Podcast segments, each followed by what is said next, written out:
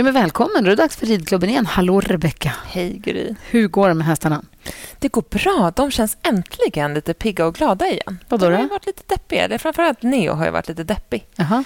Och nu kommer jag på det igen. Jag bara, jaha. Ja. Nej, men nu kommer man på det igen. Att så här, men så här blir det ju varje höst och vår. Mm. Han är ju så känslig för väderomslag och att det tar allt från en till fyra veckor innan han blir sig själv igen. Och nu har han varit inne i det ett tag. Men nu är han pigg och glad igen.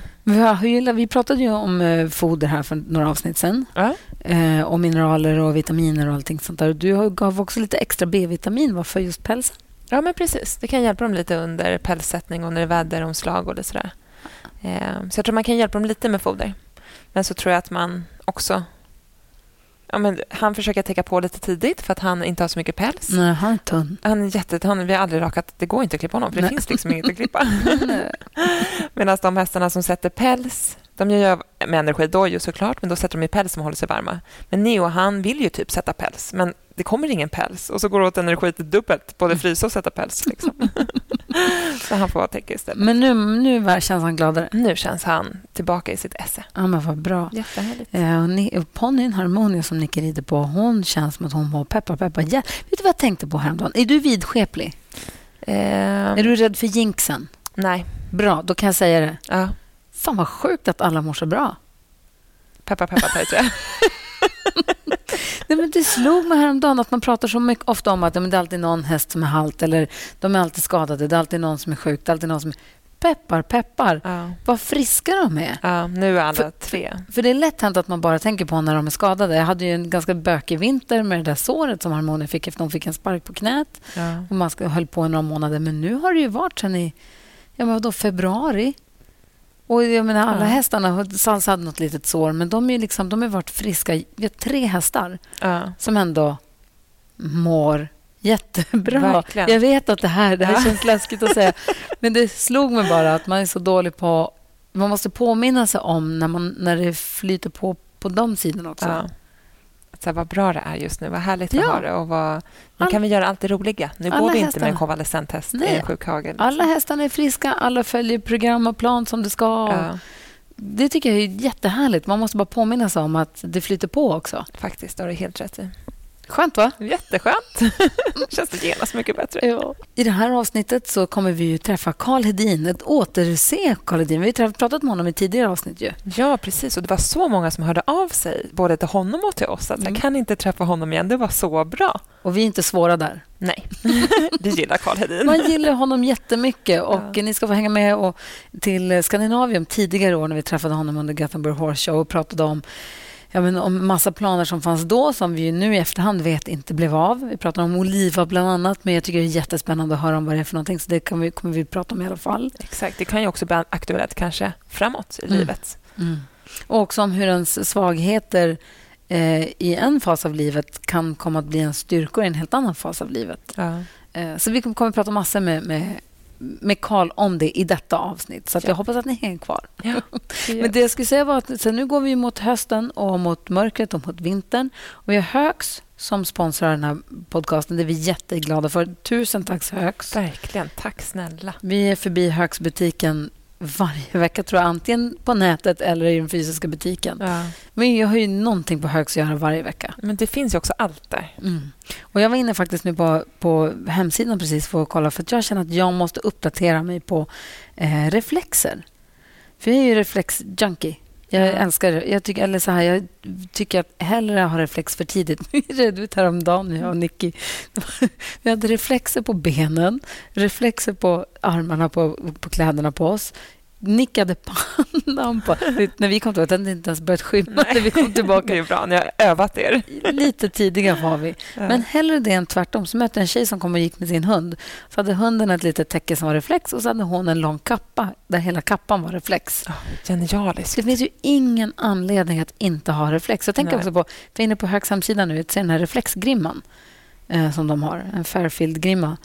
Som är alltså, den är randig färg. Ser du? Sen så är det reflex på sidorna. Ja, men precis. Också blir- jättesmart. Skitsmart att ha på hästarna i hagen. Om Ja. de kommer loss, Ja. om de smiter ut, om det händer något när man tar in dem Mm. så har de åtminstone har de någonting som gör att de syns. Ja. För att det är sån enorm, man, det- man slås ju varje gång av hur ingenting man säger nu inte är reflexer, vilken skillnad det blir. Ja, men verkligen. Och Det går ju så fort. Det kan hända att man rider ut när det är ljust. Ja. Men sen börjar sjunga när man har kommit halvvägs. Och då ska man ändå hela vägen hem i mörker sen.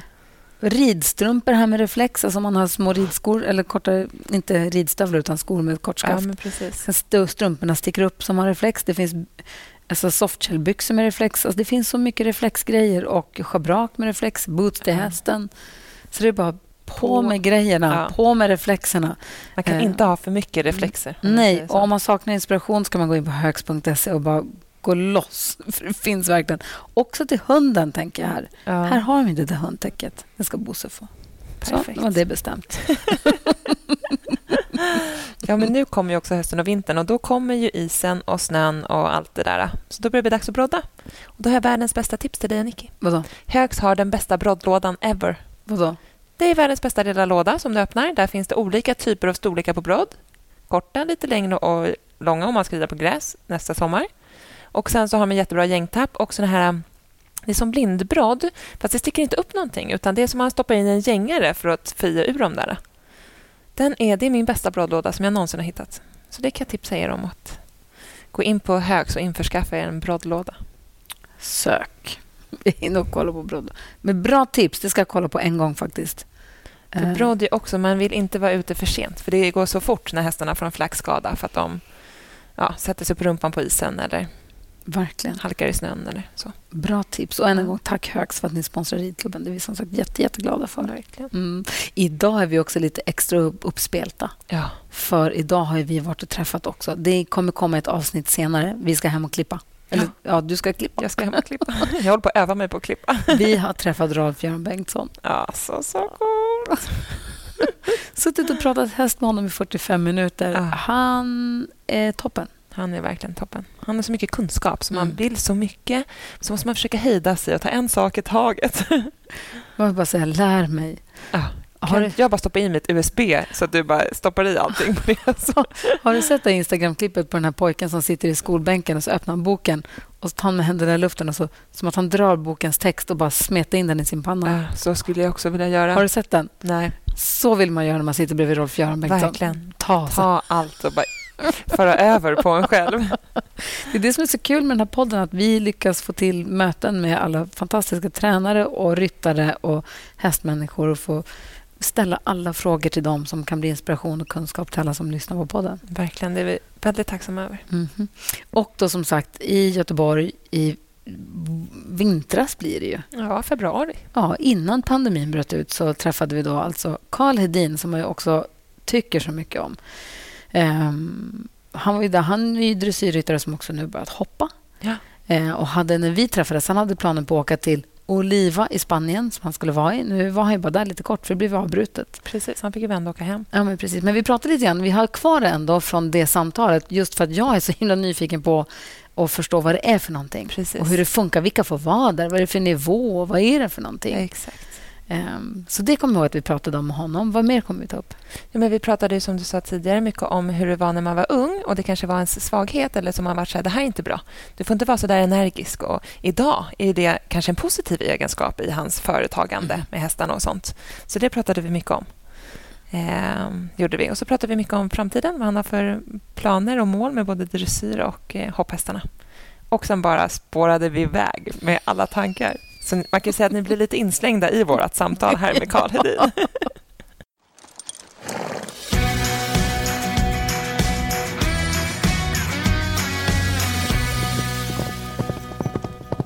Den såg ändå så jävla cool ut, din häst, när det var applåder och publik. och det var liksom... Har den varit i en sån här miljö tidigare? Alltså, den börjar ju bli lite mer eh, rutinerad vid såna här sammanhang. Han gick i Falsterbo förra året och han Ja. gick Elmia och Jönköping där. Elmia är i och för sig ganska likt. Eller liksom, Ja, jag tänker att det här är så arena. litet och kompakt och det blir så mycket... liksom Mm. När det är utomhus så blir det ju aldrig samma liksom, ljud... Nej. Så att han, eh, de hade ju också valt honom för jag trodde att han skulle klara miljön Ja. bra. Så att det hoppades på det. Och han var För han är din egen, eller hur? Mm. Ja. Helt egen. Ingen, ingen kan ta honom ifrån. Hur långt har ni, hur har ni högst ni har tävlat? Vi är nu då på sjuårsnivå. Så Sjuårsnivå. Medels, medelsvår Ja. A. Tror du att han har det för att gå... Vill du liksom... Är målet hela vägen, eller? Alltså det, är alltid, det är alltid så läskigt att sitta så här, men han Jag är, vet. han är skit, skitbra. Ja. Alltså, Nu kliver jag in i samtalet. Vem pratar vi om och vad pratar vi om för gren? vi pratar om dressyr. Bra. Uh, och vi pratar och det vet man inte med mig. Nej, Nej exakt. Just, jag kom på det också. Så här, well, do your research girl. Satt och höll på med något annat här. Jag Men så kom jag på att jag är lite jag är Kom du på dig själv att du börjat hoppa? ja, just det. Just det, just det jag har ju två hopphästar i stallet. Det hade också kunnat vara voltige med dig. Man vet fan inte. Nej, Nej inte än, men kanske. Eh, igår faktiskt när jag skulle rida i kliniken här så mm, den här hästen som heter Ville då, eller fan det vet som jag red han är ju... baklänges på rumpan. Nej, jag ska. ja, typ. Nej, men han är, um, han är väldigt cool i olika miljöer, men han har ett problem. Och Det är att han har hästskräck. Det är liksom en häst som är rädd för andra hästar. Så dumt. Ja, Ganska verkligen. konstigt också, eller hur? Man tänker att hästar flockdjur vill vara. Men nej, nej. Han tycker att andra hästar är pest och pina. Liksom. Vi har pratat om det här eh, hemma i stallet.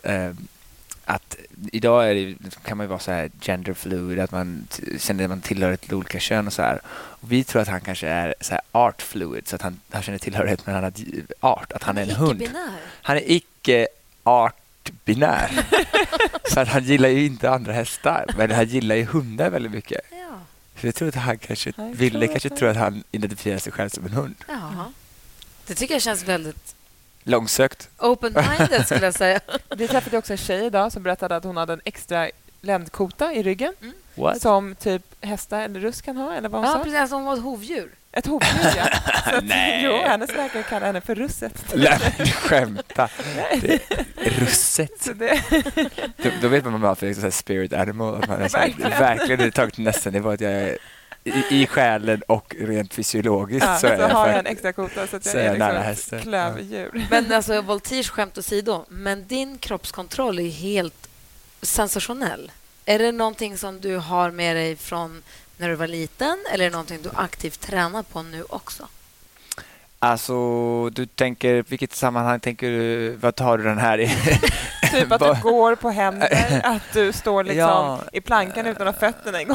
Jag har nog alltid, ja, nej, jag har nog alltid varit lite så cirkusbarn. Liksom. Eh, jag har alltid tyckt det var väldigt kul och alltså, du vet, hoppa runt och stå på händer, utmana mig själv. Och, kan jag stå på händer? Kan jag hjula? Kan jag göra någon rondad? Kan jag göra handvolt eller heter det? Jag gjorde gymnastik när du var liten. Ja, jag gick faktiskt gymnastik när jag var eh, redskapsgymnastik. Ja. När jag var kanske åtta, nio. Och sen så, det var helt kul för att... Eh, Hade du så vita tights då? Nej, men det här, jag kommer till detta. Eh, vänta! eh, då var vi liksom ett gäng barn som var i den här sunkiga idrottshallen i Borås. Liksom, och man blev skit, ditskjutsad och så hade man såna, såna här, ja, typiska sådana här skor som jag har nu som är lite inne, såna här chunky sneakers. Liksom. Mm. Typ sådana hade man ju som man studsade runt med. Det, och det var ju mest att man lekte skeppsbrott, liksom. man hoppade över grejer och sådär. Och så gjorde vi någon rondat och sådär. Och det var jättekul. Och sen så när det gått ett par säsonger då var det, kom det med en, en, en new kid on the block som typ hette Sergej som kommer från Ryssland. Vet. Och han hade sin pappa med sig. Och när vi värmde upp vet, då lekte vi typ jag och Kurema. Då stod han liksom och så här pressade ner honom i spagat och slängde honom över ryggen, den här Sergej. Och han hade liksom hela, hela outfiten. Liksom. Uh, och hans pappa var ju väldigt, väldigt pushande. Och han måste nog ha fått en chock när han kom till det som då kallades reds, vet jag, redskapsgymnastik. Ja, heter det så? Ja. Och så kom vi till det här, de här svenska ja, lekskolan. Liksom. Vi bara lekte. Liksom. Ja. Och så kom den här Sergej som var super, super drillad. Liksom. Eh, och då blev, fick de liksom med, jag kommer ihåg, han fick liksom med sig fler. Och då blev det väldigt mycket tävling och träna hårt. Och, så här. och då tror jag att jag någonstans tappade. Jag tyckte det var kul att leka. Liksom. Mm. Och lite så är det när jag håller på med mina hästar också. Att jag gillar liksom att leka. Och, leka fram saker. Ja, leka fram, ha kul. Och det är så himla härligt att du har det lekfulla med hästarna. För det kan ju bli väldigt det har vi pratat om förut, men det kan ju bli väldigt... Det ska ju vara seriöst och det ska ju vara... Det ju, får inte bli farligt förstås, man ska inte blaja omkring. Men att man ändå behåller den glimten i ögat och kan behålla det lekfulla i det, framförallt i dressyren kanske, men som är, ja, av tradition är lite mer fyrkantig kanske. Ja, men jag tänker ofta att... Jag satt igår på en, eh, en paneldebatt där man pratade om dressyrens framtid och vad man ska göra för mm, man kan göra för ändringar för att förbättra sporten och för, för attrahera sporten för flera utövare och publik och sådär. Man ska komma ihåg att det vi hittar på, med, oavsett om vi pratar hoppning eller dressyr, det är ju egentligen bara på. Alltså vi har tagit de här beteendena som djuren har, att de kan hoppa över saker och så har vi skapat en sport som heter hoppning. Eller i dressyr så har vi tagit den liksom naturliga beteenden som hästen kan göra liksom fragment av i det fria eller i hagen med sina kompisar. Och sen så har vi liksom bara förlängt dem och förstärkt de beteendena och så kallar vi det dressyr. Men vad är det som är dressyr? Vilken, vilken är de liksom rätta rörelserna? Hur kommer det sig att vi har halt och ryggning men inte spansk skritt eller att vi inte har att hästen ska lägga sig? Vad är det, liksom, vad är det som sätter ramarna för vår sport? Mm. Eh, och när man börjar tänka, och jag tycker det är kul liksom, att utmana det. Liksom. Vad är det som säger att just dressyrhästar måste vara supernerviga och de går inte knappt att hantera och man måste hänga efter en longerlina för de är så otroligt känsliga. Liksom. Mm. Eh, då gillar jag att utmana det, att se vad man kan... Kul att tänka lite utanför boxen ja, och kanske blanda så. lite grenar och att man tar lite inspiration från annat. Liksom. Ja, men precis. Att våga utmana. Och inte kanske så mycket för att jag gör det för vad andra ska tycka, men mer för min egen skull. Mm. Så här att um, jag har alltid varit väldigt dålig på att göra vad folk säger till mig. så ett tips är så här, om du vill att jag ska typ städa mitt rum så säg så här, städa inte ditt rum. Mm. För då kommer jag att städa. För jag gör alltid, vill liksom inte att göra så som Det är som barn, du vet så här, gå inte där för det är farligt. Då är ju de där på en sekund. jag var det barnet liksom. Ja. Är det ett... Sätt inte handen på plattan. Psst. Ja, precis. okay. det, jag är det barnet. Eh, såg jag liksom en, en avspärrning så säger don't cross, så stod jag på andra sidan. Liksom. Det finns något spännande där bakom. Ja, jag vet. Och jag, det är fortfarande det. Men nu när man är lite äldre så är det ju så här, folk tycker att det är ballt då liksom föräldrar och lärare har ju spenderat många timmar i såna här extrainsatta föräldramöten för att liksom försöka stävja den här iven till att... Du var den här killen som hade en lärare bredvid sig hela tiden som försökte... Typ. Eh, hade du resurs i skolan? Eh, jag hade nog inte resurs som sådant, men jag hade många, några extrainsatta föräldramöten. Det hade jag definitivt. Många såna här, ett par i alla fall, såna här allvarsamma samtal i bilen på vägen hem från skolan.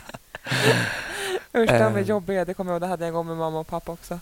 hade ett allvarligt möte. Först hade mamma och pappa det utan mig. Då satt jag och lyssnade på den här låten Because I have a bad day. Ja. alltså, Jobbigt när man inte alltid gjorde som de sa. Var du, var du chatter i skolan? Nej, skolan var jag, när jag var i skolan så var jag ganska bra på skolan. Ja. Men jag var ju gärna hellre i stallet. Ja. Eh, nej, men sen jag, när jag var tio då tyckte jag att jag var 20. Så jag tyckte att jag klarade mig själv och jag kunde minsann bestämma ja. vad jag skulle göra och vilka jag skulle är du bra på att be om hjälp om du behöver hjälp? Eller är du en sån här jag kan själv-människa som jag tycker många istället är? Jag är nog definitivt en sån som kan själv, men jag är nog inte rädd. Eh, jag vill nog gärna göra det själv, men jag är nog inte rädd för att söka kunskap utifrån liksom från olika impulser. Så är det så här något, men... Eh, men vill du sadla hästen själv? Eller kan du låta någon annan sadla? Ja, eh, nu sadlar inte jag så många hästar själv för det, det hinns liksom inte med. Men det är klart att jag vissa lägen är det så att man vill ha liksom själv bäste dräng, att man vill ja. göra det eh, själv för att då har man också kontroll på det. Men eh, jag tror inte jag är rädd för att söka hjälp. Men jag, skulle, jag kanske inte vill att någon annan ska göra det åt mig. Typ, jag gillar ju så att göra så DIY, do it yourself. Det är typ mm. min favorit. Så här, typ, om jag ska ha en höhäck då tycker jag det är väldigt kul att kolla på hur man kan göra sin egen höhäck. För jag liksom, på Youtube och så typ, ser du. Precis, jag bor ju på Youtube, det är mitt andra hem. Liksom. Jag har en killkompis som har gjort en så här gör du din egen höhäck Nej. på Youtube. Nej, lägg av. Jag har säkert sett den. Lägg av. Ja. Just en höhäck av alla saker. Det är kul. Jag tror också att Carl och Rickard Lindberg kommer... Eh, De skulle komma jättebra jag tror det. det kan vara att jag kanske har sett den här filmen. kanske. Youtube är också litet. Om man. ja, det är stort och väldigt, väldigt samtidigt. Ja, jag, hittade en, jag hittade Petit Tube. Har ni sett den? Ursäkta? Petit Tube. Det låter det låter som så här fransk... det är en fransk Ja, eller något helt annat. Det är en fransk hemsida där de, där de lägger upp slumpval, slumpvis utvalda Youtube-klipp som hittills har fått noll views. är det sant? Det är skitkonstigt. Som ett skitdåligt Youtube. Så, så som Youtube var när det kom. Ja. Det finns ju också en Forgetify där de, de, bara lägger upp de låtarna som hittills har fått noll spelningar på Nej, Spotify. För det finns otroligt mycket musik som ingen lyssnar på. Det kan vara allt möjligt konstigt Det måste också vara mycket dåligt, känner jag. Ja, för ingen Men, lyssnar på nej, det. Exakt. Och Petit Tube är då... Är det sant? Så får man ladda om sidan. Det känns som världens hemsta affärsidé. Ja, men det är kul. Ja. Jag kan komma ihåg när jag var liten och Youtube man liksom började gå in där. Då var det aldrig så att man gjorde det liksom i skolan utan det var ja, det var en sajt, jag kan inte komma ihåg det var, men att det var en sajt för filmer som det såklart fortfarande är. Men att, ehm, och sökte man liksom på dressyr, då fanns det liksom 20 filmer. Det var liksom det som fanns på dressyr. Mm. Det var någon så här, Anki van Grünsen red Cracksea liksom, som på någon så här demonstration, någon som hade lyckats ladda upp det. Liksom. Men det var ju, fanns ju inte så mycket eh, idag är vi så matade av liksom Det finns ju inspiration. så mycket information idag också. Ja. Så ibland kan man ju bli så här... äh, Gud, jag vet inte ens vad jag gjorde för tio minuter sedan för att det är liksom... Det är så mycket information från alla håll hela tiden. Och hur gör du som bor på Youtube, tänker jag? Att det är, det är så mycket information. Alltså, jag kan komma ihåg när jag började, på sätt och vis är det ju alltså det är svårare att hitta information och lättare samtidigt. När jag, när, när jag var liten och liksom mycket inspiration som jag hittade då, då var det någon som hette, jag tror jag berättade det var med förra gången. Nej. Nej. Ja, det gjorde jag också ibland, men inte, inte nej. Alltså, hur gammal tror du jag är? Nej, förlåt. Okej. Fick man den också? Nej. Men då fanns det något som hette eurostallions.com. Berättade jag det var med Nej. sist kanske? Nej. Jag tycker att det är så kul för jag tycker det låter som här tysk porrsida. Ja, eurostallions.com. Bookwormbitches.com. Det vet jag inte vad det är för någonting, men jag vet inte om jag vill veta det heller. eh, men då var det sida i alla fall där man kunde se, där de la upp alla hingstar som användes för avel. Ja. Så det- var kanske den sidan du syftade på, fast det är ett helt annat avsnitt. Eh, och då fanns det filmer i alla fall. Och då kunde man se typ så Cadento och man kunde se pff, Regazzoni, massa de här kända mm, hingstarna liksom, från Tyskland och även Sverige. Och så, där. så det var liksom dåtidens Youtube. Eh, men sen har det bara exploderat. Men om du söker in- inspiration idag, Mm. vad kollar du då på? Eller vad söker du upp då? Alltså det är svårt att veta om man...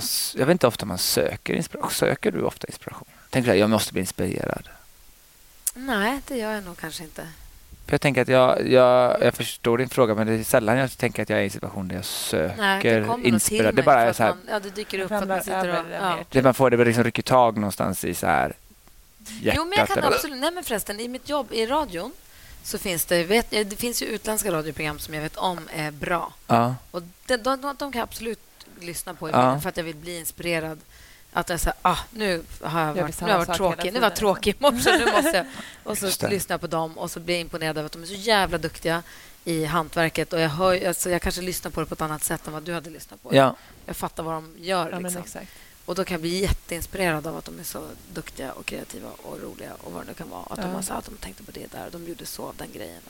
De tog inte den enkla vägen ur den där grejen utan de gjorde vad gick varvet, gick liksom den extra milen och gjorde det där. Just det. Och då kan jag ta med mig det. Så det kan jag nog göra.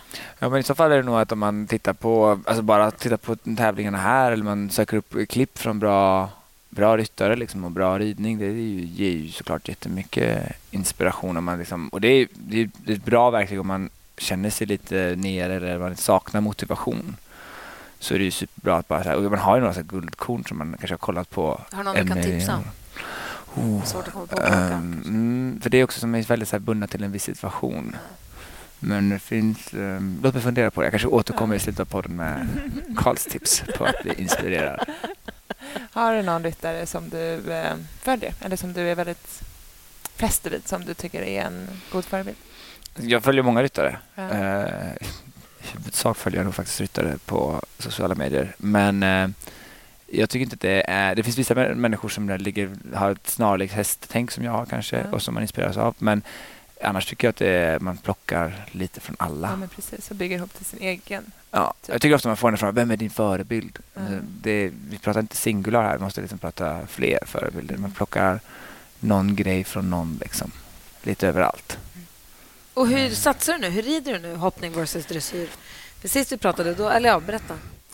Eh, alltså det har inte ändrat sig jättemycket, eh, mer än att jag har två hopphästar hemma nu i stallet. Eh, och eh, alltså de flesta dagarna så ska ju hopphästarna egentligen göra samma som dressyrhästarna. Att de tränas på marken och de ska vara mjuka och smidiga och lösgjorda. Och kanske man märker när jag tränar mina hopphästar att jag har en, kanske en tanke dels om hur de hoppar. Dels att liksom, till exempel har jag en häst som vi kallar för Pods. Eller han heter, vi kallar honom för Putte, men jag skrev Putte på Instagram och de var bara så här Do you know that, that means hooker in Spanish? Oj. Att, eh, och så då fick jag liksom nej vi får göra ett engelskt, vi får döpa om honom till något lite mer gångbart smeknamn. Internationellt. Internationellt. Så de tidigare ägarna bara, vad har du döpt om honom? Jag bara, nej, nej, men det betyder något helt annat på spanska. Så att eh, han ska ha ett internationellt eh, instanamn. Liksom. Men den, har kanske, den är väldigt, väldigt lätt i handen och hoppar gärna ibland lite med lite högt huvud och inte riktigt vill liksom sträcka ut ryggen. Eh, och då tänker jag ju liksom när jag trimmar den på marken att jag vill ha ett bra sug och att han liksom vill sträcka sig framåt, neråt, kanske ännu mer än, än, Hästar som gör det naturligt. än hästar som gör det naturligt. Eh, Och precis så är det ju med dressyrhästarna också, att de har ju olika, liksom, de strävar ju naturligt åt olika håll. Liksom. Mm. Någon vill bära huvudet lite högt, någon vill bära lite lågt, någon kanske är lite seg, någon kanske är lite het. Då får man liksom träna lite motsatt till det. Så det tycker jag är ganska likt. Det funkar ganska naturligt faktiskt. För jag var orolig hur jag skulle med hopphästarna som då eh, man ska träna hemma. Att liksom, är det tråkigt att skola runt på en hopphäst om man är van vid att rida jättefina dressyrhästar? Är det tråkigt att rida hopphästar liksom? För att man bara typ, typ bara ska rida runt. Nu kommer väl hela hoppsverige liksom bli galna när jag säger att de bara rider runt. Det gör de såklart inte. Men, men, det kanske blir en annan typ av markarbete och där inte markarbetet är hela prestationen utan en del av det. Och att det då skulle vara svårt att motivera sig. Men jag tycker att det faktiskt funkar jättebra. Vad roligt. För dressyrhästarna hoppar med nu. Jag har ju alltid hoppat på dressyrhästar så jag ska inte säga att de får hoppa mer. Eh, Det är nog ungefär samma. Det är Ja. nog inte ändrat sig jättemycket. Liksom. Det går lite i perioder. Jag, jag har inte så att det är ett självändamål att dressyrhästarna måste hoppa. Eh, Men vi, jag vet sist jag var här så pratade vi om eh, veckoträningen och Ja, vi har de här alternativa onsdagarna brukar jag säga. Då gör vi Ja. någonting liksom, lite annat.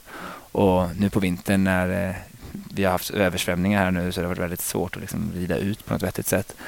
Då har det ju varit väldigt Du rider ju vatten varje dag. Ja, eh, well, inte riktigt kanske, men ibland. Vissa hästar gör det i alla fall. Som tycker om att gå vatten. Instagram så rider du Ja, vatten jätteofta. Mm, nu ska, jag vill inte vara sån, men allt på Instagram är inte sanning. Så det, jag ska Boom. droppa det. Men ja, det är väldigt kul. Men det är väldigt, väldigt kul att hålla på med hoppningen och eh, det är en ny värld som öppnar sig. Liksom, Jag tänker människor. tävlingsmässigt också. Krockar det? Eller liksom, Alltså, än så länge har det gått väldigt bra. Ja. För att nu, vår dressyrsäsong startar lite senare. Ja. Så att eh, jag har ju hunnit eh, ligga i lite nu med den här ena femåringen. Så jag har gjort några Inte starter. Mr Grey Inte. Mr Grey. Eh, Mr Grey han är hemma och vilar lite grann fortfarande eftersom han har haft lite ledigt här. Och han har opererat ut en lös benbit som han hade så han är fortfarande inte igång Mm. efter den. Så därför har man inte sett så mycket av honom. Men eh, han börjar faktiskt sin träning nu den här veckan igen Ja. lite mer seriöst. Så att snart är han Och det är tillbaka. ingen fara med den operationen? Utan det är bara Nej, för det är ju en låta standardoperation liksom- som Ja, man gör på en del unghästar. Ja. Eh, så det ska inte vara några problem. Liksom. Men det tar lite tid innan de... Hur gammal är den? Fem också. Fem också. Båda är fem.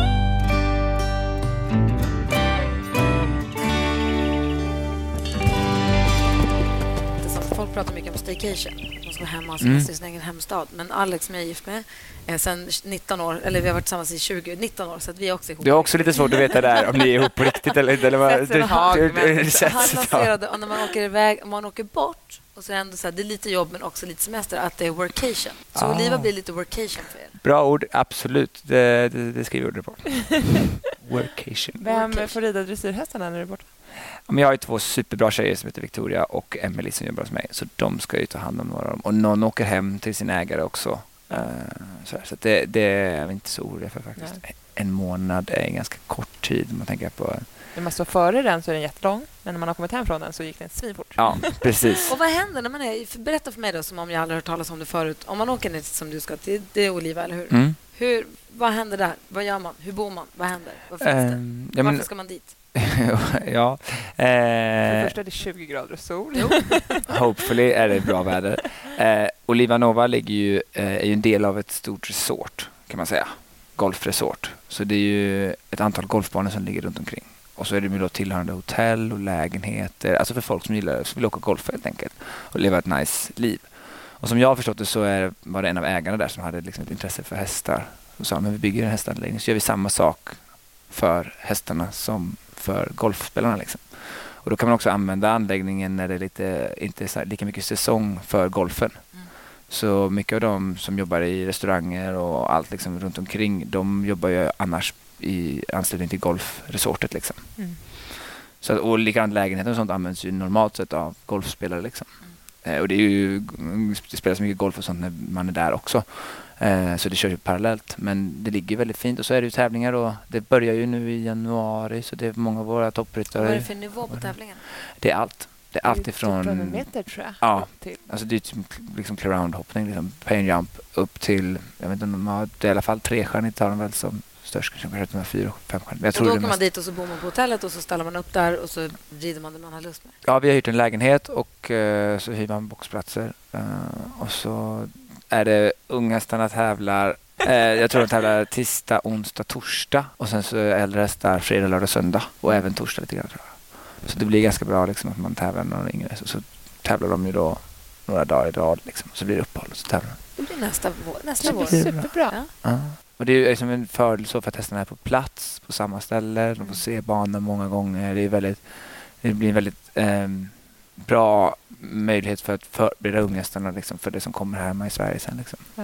Och du kan tävla liksom. Och det är liksom tävla och tävla. Det blir ju mer liksom skolrunder för hästarna att de får hoppa frekvent på ett vettigt sätt. Liksom. Jag mår bra. Jag behöver träna på att tävla. Ja. Och då är det perfekt. Precis. Nu har jag tränat i jättemånga år. Nu behöver jag bli bättre på att tävla.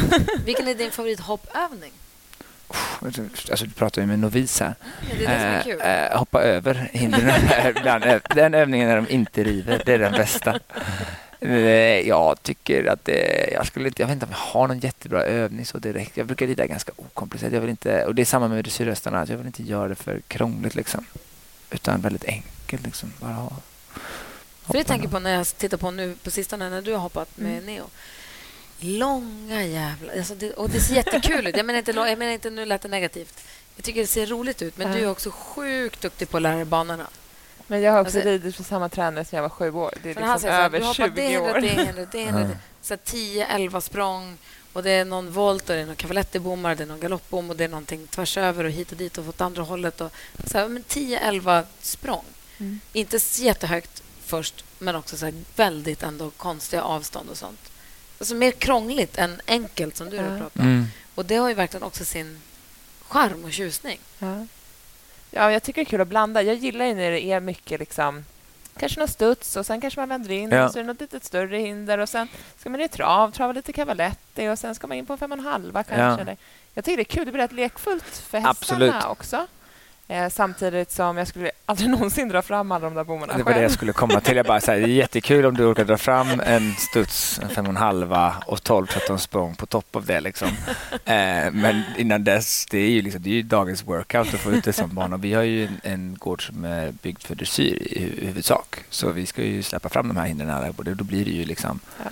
att man kanske gör minsta möjliga. Ja. Liksom. Och så kul. åker jag iväg lite till våra grannar och hoppar lite grann. Och så här, då kan vi göra lite mer avancerade Ja. grejer. Och sen så jag mig oftast ganska lågt. Alltså sen när man ska hoppa bana, typ, då vill man ju ha det så lik tävling. Det var så kul. Jag håller på att bli bättre nu på att rida snabbt, så att jag Ja, vinna Du lite. tränar snabbare. Och det gick jättebra på tävlingen sist. Jag red jättefort mot en trippelvall och vände i luften. Till och med har varit lite imponerad. Oh, wow! jag, jag, också, jag måste klappa mig själv. Ja. Gick det ett sånt där sus då genom publiken? typ, jag kände mig som Stefanie Holmén. Jag Ja. tittade på henne när jag Ja. gjorde det.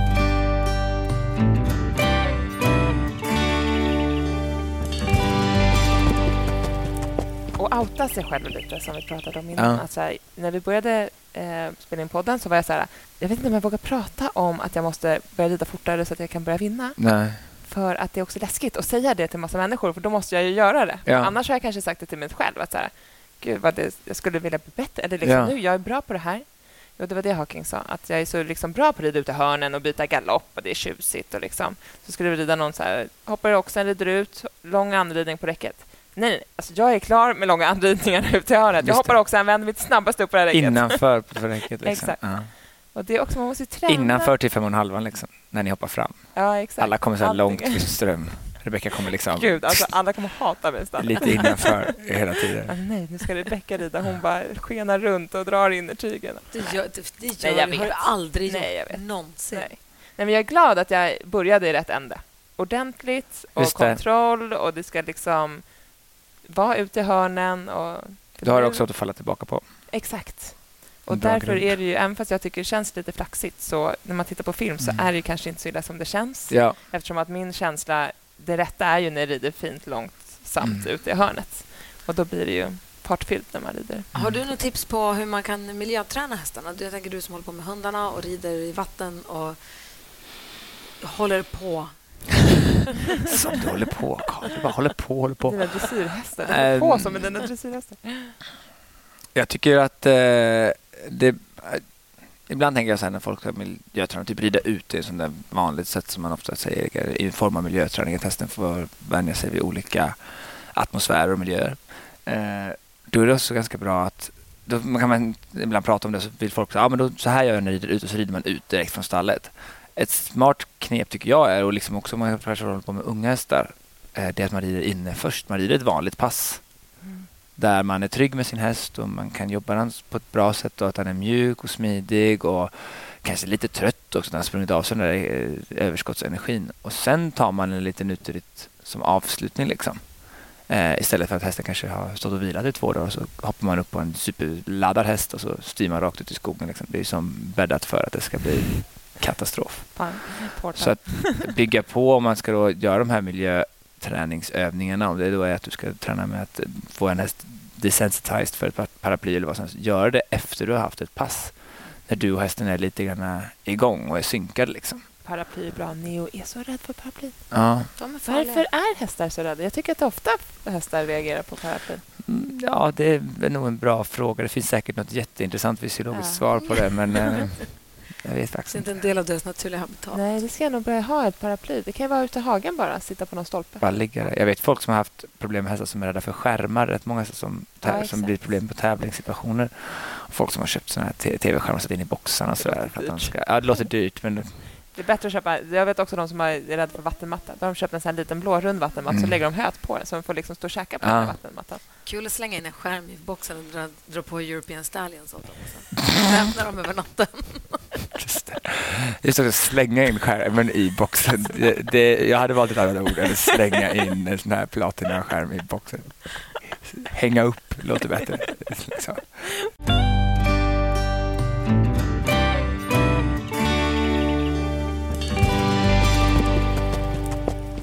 ska inte säga vändning, men att det blev så, att det blev så mycket hoppning. Ja, men det är väldigt kul. Och, sen får man se, alltså jag vet inte om två år kanske jag känner att nej, men nu har jag gjort detta och jag tyckte det var mm. kul och kanske säljer mina hopphästar och så börjar med Bolt T-shirt någonting istället. det känns som att du är killen som behöver lite utmaning. Ja, jag gillar ju det. Jag gillar ja. det, här. Det, är mitt, det är mitt vuxna sätt att stå på den där andra sidan av den där Avspärrning. avspärrningen. Liksom. Ja. Uh, och jag tänker ofta på det att när man var liten då som det var så negativt att vara liksom uh, att gå mot strömmen. Liksom. Men nu när man är vuxen då döps det om till så kreativitet och entreprenörsådra och sånt här fina ja. ord. Liksom. Och det var ju bara att man var så för bångstyrigt barn. Liksom, ja. blev något väldigt mycket finare när man blev äldre. Ja. Men uh, jag fortsätter att lita på den, den impulsen för den har ju tagit mig så här långt. Så det vore ju dumt att sluta lita på den nu. Jag tycker Lisen har sagt det bra att magkänslan som jag alltid går på är eh, resultatet av dina samlade tidigare erfarenheter. Mm. Så att eh, det är ju allt det jag, man har gjort hittills. Om jag har en magkänsla att jag vill rida hoppning nu, då är det ju någonting där som är bra. Liksom. Ja. Och Det är ju inte så att jag alltid bara jag kanske förefaller som att det bara blir lite hur som helst. Men jag har ju oftast ganska mycket en plan med det och tänker över ganska länge. Liksom. Det är inte så att jag bara... Köper en hopphäst helt plötsligt. Nej, alltså, jag försöker. Där, liksom. Jag är också ett fan av magkänslan. Ja. Jag tycker att magkänslan har hittills aldrig svikit mig. När jag har gått emot magkänslan så har det också det visat sig att det var dumt att jag gjorde det. Mm. Men det där har jag och Alex, som jag är gift med, vi har pratat för han tycker, han tycker att magkänslan är hittepå. Va? Ja, jag vet. Men han, för han säger att man tillskriver bara magkänslan när det går bra. Alltså de gångerna som det går bra så säger man att det var mag jag visste det var magkänslan. Men att man inte gör det de andra gångerna. Men jag håller inte med honom, så jag ska inte ens argumentera. För det, det är hans argument. Men, man, men det, är lust, det är intressant det där med magkänslan. Vad fan det nu egentligen är. Jag tycker man, när man står inför ett val och det kan vara allt ifrån... Jag stod här för ett tag sedan och budade på två, en häst, eller det var två hästar en, först en häst och sen en, ytterligare en häst på en auktion. Så det var två olika hästar, men jag skulle bjuda på de här hästarna. Och så hade jag satt en budget och det blev ju såklart dyrare än den där budgeten. Så det blir ju ofta så. Eh, och eh, och då, fick, då är det svårt för då var det så himla, fick jag liksom, då visste jag att okay, jag har råd att köpa hästen om jag vill det men det ska också kännas rätt och det ska också vara att den får inte vara för dyr in för då är det svårt om jag ska sälja den om ett par år att uh, ha någon marginal. Um, men då fick jag liksom så här magkänslan. Och då måste man vara snabb på magkänslan. Det är väldigt svårt tycker jag. Jag tycker om när man eh, har kanske så här, vad ska jag göra nästa typ. år? Så kan jag fundera i två månader och så kan magkänslan liksom forma sig ut efter den här betänketiden. Men när du står där med en telefon med någon, eh, en kvinna från Tyskland och säger oh, do you want to go higher, do you want to go higher? Och kunna få fram magkänslan, liksom bara rycka upp ja. den så här, ska jag eller ska jag inte? Men då valde jag faktiskt att inte köpa hästen. För att magkänslan sa att jag inte skulle köpa hästen. Och visade det sig vara klokt? Det vet jag inte. Det kanske är att den här hästen kommer springa in i OS här om ett år. Då har jag gjort fel. Liksom. Men, eh, Fast kanske inte. Alltså, det, nej, den troligtvis inte. Benet om du hade köpt. Alltså, man vet ju inte nej. hästar. Och även om jag hade köpt den så hade jag nog tyckt att det här känns som en väldigt dyr häst att få hem. För, jag så här, nej, men det var, då det för mig tappar jag lite ibland också så här att jag gillar inte om det känns för dyrt. Liksom. Jag vill ändå känna att man har gjort en bra affär när man köper en Mm. häst. För det är ju så mycket kostnader löpande sen också. Liksom. Så springer det iväg så blir det, sätter man sig själv, jag känner att jag sätter mig själv i en ganska pressad sits. Ja. Att då måste jag få hästen till att bli superduper bra för att jag ska ens liksom, kanske gå break-even när jag säljer den sen. Så därför tycker jag att det är bättre att vänta tills det kommer en häst som kanske man... Då måste man, säga, även fast man älskar hästen, för ibland blir man ju så förälskad i hästar. Ja. Ja. Jag måste ha den här. Mm. Ibland måste man bara sansa sig själv och bara, okej, det finns så mycket hästar Ja, i hela världen. När man tror att det är den. Exakt, så man kommer hitta den Mm. igen och igen och igen och igen. I början när man typ köpte sin första häst, ja. då kommer jag ihåg, då var det liksom, man skulle ha typ den första man provade Mm. för att det var den bästa ever. Nu när man har ridit och kanske köpt och sålt lite fler hästar, då vet Mm. man att det kommer komma många hästar Ja. som man klickar med just då. Så är det. Vad tror du folk missar? Alltså vanliga Svensson-hästägare. Vad, vad är det vanligaste man missar när man tittar på häst för att köpa? Jag tror kanske att mm, lite det som Rebecka inne, man går in kanske för mycket med hjärtat och bara så här titta på så här fantasi. Väldigt mycket av de hästarna jag tittar på är ju ren så här fakta. Liksom. Att eh, den ska vara bra storlek och det ska vara kanske en intressant härstamning. Jag som köper unga hästar. Det är också rent marknadsvärdet är ju bättre på en häst som har intressant härstamning. Även om inte hästen nödvändigtvis behöver vara bättre för det. Eh, men att man köper lite mer på fakta. För att man kanske ser folk som kommer hem med en häst som är alldeles för liten och säger att ah, men den är jättesöt och den har en jättestor bläs. Jo, men det är ju fortfarande inte rätt häst för dig även om du är helt nerkär i den. Och där tror jag kanske att när man har köpt lite fler hästar så är man bättre på att hålla sig till sin linje och på sin fakta. Liksom, vad är det för typ av häst jag letar efter? Eh, och inte bli sådär kanske carried away för att man får en, en alldeles för mycket, liksom, gå på hjärtat. Liksom. Och då tror jag också man får problem, ofta får man kanske man får problem sen eh, när man får hem hästen. Och det är återigen, nu kommer vi in på magkänsla igen, att det är klart att har man, handlar man hästar hela tiden och köper några, man rider många och kanske också när man just bara har ridit många, det behöver inte vara att man äger dem, men man har ridit, kommit i kontakt med många typer av hästar och individer. Då blir det ju erfarenhet för varje häst man träffar och varje häst man ser som då blir den berömda magkänslan. Om man inte är i den situationen så ofta att man kanske ska göra ett stort val, vilket det är. Att köpa en häst är ju en jättestor grej och för många familjer är det en av de absolut största investeringarna du kanske gör. Eller investering kanske är fel ord att använda, men den största kostnaden du tar. investeringar i hästar. Ja, den största kostnaden du tar då Ja. som, eh, som Många en tar nog en stor risk när de köper en häst. Ja. Alltså, de tar sina sista pengar de har. Eller Precis. liksom, Eh, och då är det ju kanske svårt att om man ska göra en sån, något som då ställer, som är ett väldigt stort beslut och så är det dessutom någonting som man inte utsätter sig själv så ofta för så kan det vara svårt att navigera i det. Eh, för det är nog det jag tror att folk kanske gör mest. Men samtidigt, den där känslan man vill ha just den hästen, den går aldrig bort. Så är det Nej. för mig fortfarande. Jag hade en häst där förra veckan som jag var så, så sugen på den hästen. Den heter Romkulan. Romkula säger jag kanske. Ja. Romkulan, inte romkula, det är något annat. Romkulan och den var jättefin och jag ville så gärna ha en stor bläs. Du vet, så här. Och jag bara, "Den- det är precis en sån här häst. Den gör jag inte vill ha." passage med bläsen. Nej, den gör inte. Tyvärr så gick den inte genom besiktningen, den där romkulan där. Eh, Så att eh, det blir ingenting. Men, eh, Men då skulle du köpa den till dig i sånt fall? ja, köpa in och så vi skulle rida in. Den var jätteung så det var, den var helt rå liksom. Ja. Men då blir jag jätteledsen också. Så här, då faller mitt värde och liksom, fasiken, jag vill ju så, så peppad på den där hästen. Liksom. Fasiken också. skulle du aldrig köpa en häst som inte går igenom besiktningen? Jo, det har jag gjort och det kommer jag nog göra igen. Ja. Men inte just de anmärkningar som den hade. Nej. så uh, var det inte en häst som jag vill- ville satsa på. För det hade varit väldigt svårt för mig att sälja den hästen vidare med de, uh, de anmärkningarna. Uh, och hade det varit så att jag var i en sits att jag kanske skulle ha en häst bara till mig själv Mm. och rida för min egen nöjes skull. Då hade jag kunnat vara intresserad. Hade- kommer säkert fungera jättefint med de, de anmärkningar som var. Exakt. Men för mig blir det ett stort problem sen om jag ska Sälja två eller tre år eller fyra år ha en kund Ja. på den hästen. För då ska de, De igen ta stiger ju det sällan mer, mycket värde om de har anmärkningar Nej, är lite det- svårare. Liksom. Och kanske också när den här var ju bara tre år gammal så Ja, den var ju men väldigt exakt. ung. Eh, och har han, red, alltså har han anmärkningar nu då innan inridning ja. eh, så kändes det som att det var för stor risk. Och min, min veterinär han, eh, han har tittat på alla röntgenbilder och så innan och han brukar säga ibland så här, det här är en sån här som jag inte rekommenderar så att du går och köper ändå. Men Karl, det här är en big no-no. Det här är liksom inte en sån häst som du kan säga, ah, jag tar den ändå. För ibland är det så att han säger, ja men det här är lite där, lite där, lite där och du får känna av själv. Och då är jag ofta så här, ah, nog ganska benägen att jag tänker så här att jag har ju hellre en jättefin häst med lite skrot på röntgen Ja. än en kasshäst med jättefina röntgenbilder. Liksom. Mm. Den går ju inte passage med röntgenbilderna heller, Nej, ska man komma ihåg. Varken med bläs eller med röntgenbilderna. Alltså, jag skulle säga mer med röntgenbilderna faktiskt. Sant dock. Sant. Nej, så då, eh, men den här var verkligen att jag fick faktiskt inte lov att köpa den. För min veterinär han sa att du får inte köpa den här Jag tycker inte och där måste jag också säga till många andra som kanske lyssnar på det här och är inne i att köpa sin enda häst de ska äga och ha i livet att man anlitar en veterinär som man verkligen litar på. Mm. Det är så viktigt.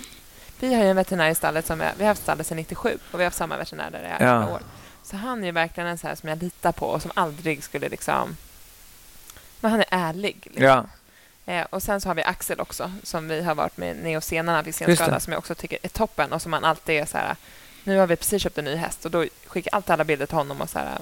Vad säger du? Och ja. var någon häst vi provade förut som hade en lös benbit och han sa den har löst benbit, men den kommer inte påverka oss. Det är så skönt att ha någon utomstående som inte ja. har en personlig anknytning. Ja, och så är det viktigt när man pratar om att man tittar på hästar att man ska komma ihåg att det finns liksom inte perfekta hästar. Eh, och det finns så många hästar som har så många olika... Alltså skulle vi kolla på alla hästar som tävlar här i Skandinavium i helgen liksom, så är det väldigt få av dem som skulle ha perfekta röntgenbilder. Ja, eh, så man... som veterinären är ganska bra på att ja, och det är viktigt man har... köpare och hästen. Att så här, jo, men vet du, jag, jag, tror att ni kan passa ihop. Jag tror mm. att du kan göra den här hästen att den mår bra och att liksom funkar. Ja. Och så tror jag veterinären kan säga så här, nej men vet du, jag tror att du kanske inte kan få hålla den hästen frisk för att den har något i ryggen. Så då är risken att den blir ännu sämre i ryggen om den inte får den här typen av träning. träning. Så det känns som att veterinär, har man en bra veterinär ja. så känns det som att man kan lita ganska mycket. Min mamma brukar eh, fortfarande... Jag kommer ihåg när jag köpte min första ponny och min första häst. Då fick man alltid hästar som var UA. Det var alltid något ja. Eh, begrepp Utan som var... Där var ja, vi var precis ah, den var UA. Det var liksom det finaste. Den var UA. Eh, och mamma säger ofta, ibland är fortfarande så här, ah, men, eh, gick den igenom eller var den UA? men det finns ingenting som är UA längre. Liksom. Det, det, det, det, fungerar inte så. Eller gick den igenom är nästan också ett svårt uttryck att använda idag. För vad är det att gå igenom? Alla hästar har anmärkningar i princip. Liksom. Nej, vet du vad sjukt det är? Jag har precis köpt en häst. Och den är helt ren på ryggen. Vänta du bara, det kommer att... Den kommer, pappa, pappa. Det kommer, Nej, då är det... Faktiskt, jag höll på att ta på hakan. Jag var tvungen att och, vet, så här, fråga. Jag bara, vadå ingenting? Det måste finnas en Noll. lös benbit någonstans. Alltså det, Nej, fanns ingenting. ingenting. Den, den, den kommer säkert vara hemsk att rida. det här är... Ja, jag, jag, jag, tar lite, jag försökte liksom få lite medhåll från Gry här, men jag vänder mig till fel person. Är det sant? Det här är min, min personliga erfarenhet är faktiskt de hästar jag har köpt som är bäst på musik. Det här ska jag inte skrämma upp dig, men då är det liksom alltid kaos sen ja. efter. Det är, det är massa andra grejer som går. Hon känns snäll och lugn. Eller liksom, hon är inte riden så mycket och så, här, så det kanske dyker upp någonting, det vet mm. man inte. Men och jag har ju kanske inte att den behöver inte gå Grand Prix. Liksom. Nej. Men hon, känns, hon är också lite mindre än vår andra stora svarta bjässe. Mm. Det var helt, jag höll på att tappa hakan. Alltså, det var helt det... UA liksom. UA. ska döpa om lite UA. UA, perfekt. Ja, nej, jag tycker själv, min personliga erfarenhet är att oftast att det är som mest kaos på besiktningen. Man tänker att vad är detta liksom? Ska jag verkligen? Och så bestämmer man sig, nej men okej, jag, jag, jag, jag satsar på det här ändå, fast alla säger det. Liksom. Då har det alltid blivit jättebra. Ja. Det var härligt De flesta hästar brukar jag inte ens. Förr röntgade jag knappt hästar. Nej. För det beror också lite på pris. Nu köper man lite dyrare och lite finare hästar, då vill man ändå om man ska sälja dem vidare, för det är ändå stor ekonomisk trygghet. Men annars, så jag vet att när jag hittade min förra häst, Claudio, uppe i Arvidsjaur. Det var så här Cadento Cortege mm. som jag hittade. Jag bara, okej, okay, jag älskar stamma, jag måste ha den här hästen. Och den var typ riden lite, ja, men liksom så här. Mm. Så ringde jag till henne och bara, hej, kan jag få köpa jag är intresserad av din häst. Liksom, pratade lite mm. så här, jag skulle gärna vilja köpa någon. Nej, men jag måste träffa den som ska ha honom. Jag bara, okay. Så jag bokade ett flyg dagen efter. Flyger mm. upp till Arvidsjaur. Jag tar hyrbil och grejer själv. Mm. Åker ut den här lilla gården i snön. Rider hästen en kvart. Som var riden lite grann, men inte så jättemycket. Jag bara, ja, men jag vill gärna ha honom fortfarande. Eh, och Då satte jag honom också bara på en lastbil hem. Men det var också så under 100 000 och då känns det ändå som att ja. man kan våga chansa lite. Ja. Men sen då när jag skulle sälja honom vidare till min kompis som är här, då hittade vi ju hur mycket som helst. Ja, då kom det fram liksom. Det var det ena och andra. Jag bara, åh gud vad svettigt. Men hon ville köpa honom ändå för att han är så fantastisk. Så det var ju ja, men du tur. Ser. Men ändå, det kan ju bli... Hon har haft kul med hästen. Jätte. Men i efterhand så kan jag tänka att jag kanske skulle ha röntgat benen i alla fall. Så du, han, du fyllde syftet jättebra. Ja, men jag vet. Jag vet. Perfekt häst. Jag vet. Men ändå, man blir, det vart ju svettigt när Bosse var en veterinär. Han bara, Rebecka, vi ska nog prata lite. Ja, just det. det, det, det. liksom lösa benbitar och några pålagringar. Och det var... Ja. Men Mm. han funkar jättebra för Ja, men tänk på många hästar liksom. som har gått i så många år innan vi hade liksom röntgendiagnostik i den utsträckning som har fungerat hur bra som helst utan man visste hur de såg ut på en röntgen. Liksom. Exakt. Tänk om det skulle vara så när man sök, skulle få ett nytt jobb. Tänk om man skulle Du, du, röntga du mig skulle så liksom få ett nytt radiojobb. Så här, ja, då ska vi bara röntga dig helt först Gry, se hur det ser ut. Här. Just nu kan jag säga det hade de inte fått göra. Det hade varit dåligt. Så att, ja, men det är okej, det är ett stillasittande jobb som kommer kanske klara det med det här knät men ja, hon får inte gå och hämta kaffet själv. Liksom. Det måste du ha någon som... Tänk om det skulle vara så. Ja, det är typ så det är. ja, det är så. Du är inte UA. Nej, Långt så mycket ifrån. Det är bara så rött. Det är så big no-no. Ja. Kommer inte få något nytt jobb. Jag var så träffat en ortoped häromdagen. Han bara, du, jag bara, det är det. Och sen så hade jag ont här i tum. Det var fan det var. Han bara, det är ättestupan på dig snart. Jag bara, ja. Ättestupan. Vad är ättestupan för något? Han vill också, det, är över. Det är okej. Han vill också, han vill också hellre operera, han ska operera ett nyckelben som inte läker. Okej. Och han sa att jag- helst skulle han vilja operera hjärnan på mig. Så. Ja, det, det, det lät inte så schysst liksom. Jag bara, men när kommer jag kunna rida? Han bara, vet du, helst av allt skulle jag vilja operera hjärnan på dig. Ja, precis. Ja, ja. Ja. Han var inte heller jättepepp på hästar. Nej, han som. tyckte att det var en Han tyckte det var onödigt att rida och han nyckelben och sånt. Men man kan också trilla i trappen, brukar jag säga då. Precis. Det brukar jag tänka när folk frågar mig hur det är att hålla på med så farlig sport som, som hästar faktiskt är. Och det är ingen hemlighet att det är stora krafter och det kan gå väldigt illa. Men det brukar jag tänka när jag sitter med mina unga hästar hemma. Eller det, kan vara, det behöver inte vara unga hästar som är vilda, det kan vara äldre hästar också. Eller det är sådär. att- Men om det nu skulle hända någonting, eh, då tänker jag att då gör jag ändå det jag tycker är allra, allra bäst. Då gör jag det som jag tycker är absolut roligast. Tänk, tänk vad, vad ovärt att bli påkörd av en buss när man går över ett eh, övergångsställe någonstans. Jag tror jag alla kan hålla med dig. Eller hur? Ja. Det, det bästa är såklart om det- aldrig händer någonting, vare sig när man sitter och rider Jag blir eller... så jävla jag blir så besviken om det liksom skulle vara det som någon sån här värdelös sätt. Ja. Liksom. Ja. Då tänker jag ändå att okej, om det, kanske... Visst, det Det kan... ger så mycket tillbaka. Ja, men Det är precis. så- det. Det är faktiskt nästan värt det. Ja. Eller värt det kanske inte, men det... ska det vara så ska det vara då, liksom. När man gör något man verkligen, verkligen tycker om. Gud, vi kan inte sluta här. Hur ska vi sluta det här? det här, hur ska vi sluta? Det är det vi slutar med. Hur ska vi avsluta det? Jaha, Ett, nej, men- vad sa jag? Ett, Ja. ättestupen. Ättestupan, UA och... Gud, Vilken, vilken moodkiller jag har varit i den här podden. Det var det. Kul att träffas. Prata om sitt avslut, potentiella avslut. Jag kommer inte våga gå ut från Gothia hotell nu för jag kommer välja att bli påkörd av en buss här. Du får bo kvar här. Jag får bo kvar Är du här. vidskeplig? Nej, ingenting. Nej. Noll. Bra. Så man Skulle jag säger säga. till och säger du tack. Nej, tack så jättemycket. Ja. Tack som fan. Tack så fan. Nej. Men det var kul att... att det går bra för andra. men-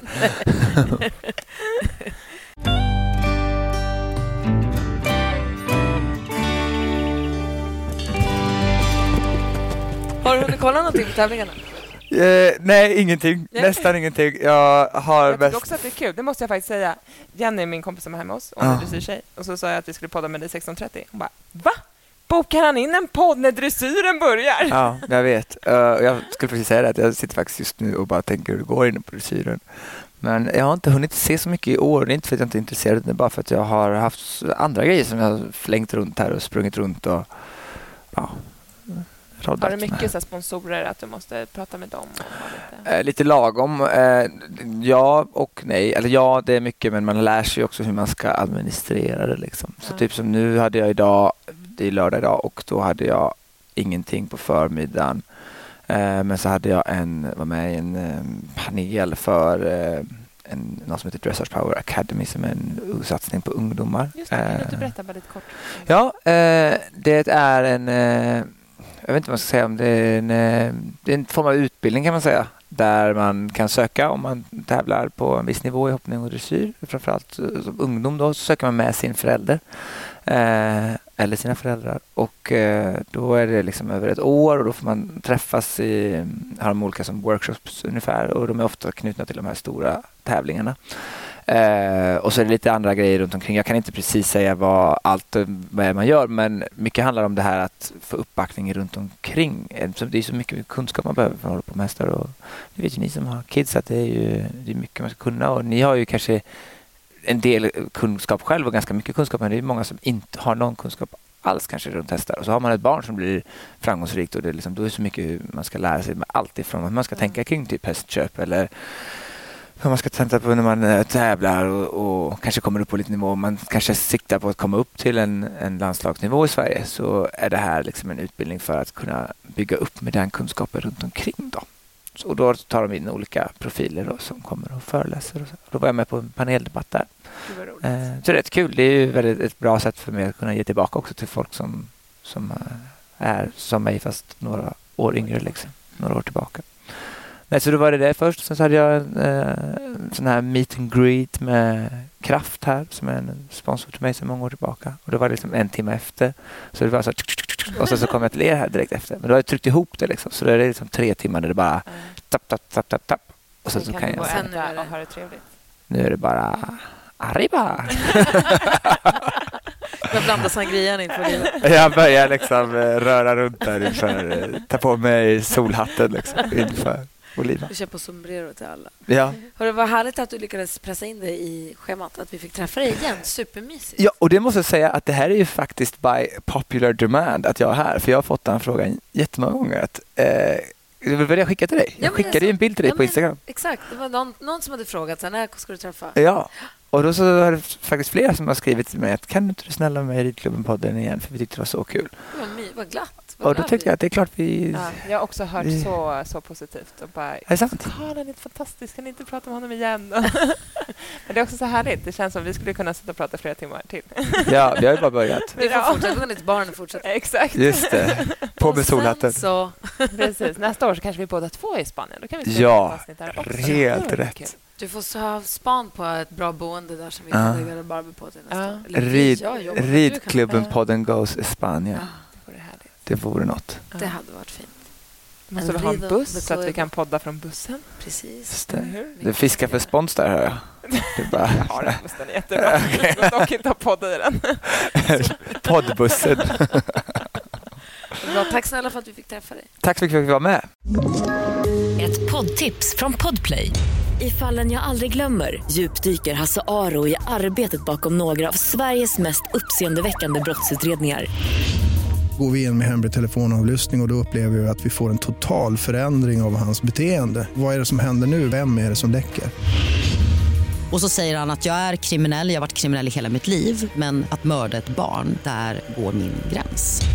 Nya säsongen av Fallen jag aldrig glömmer på Podplay.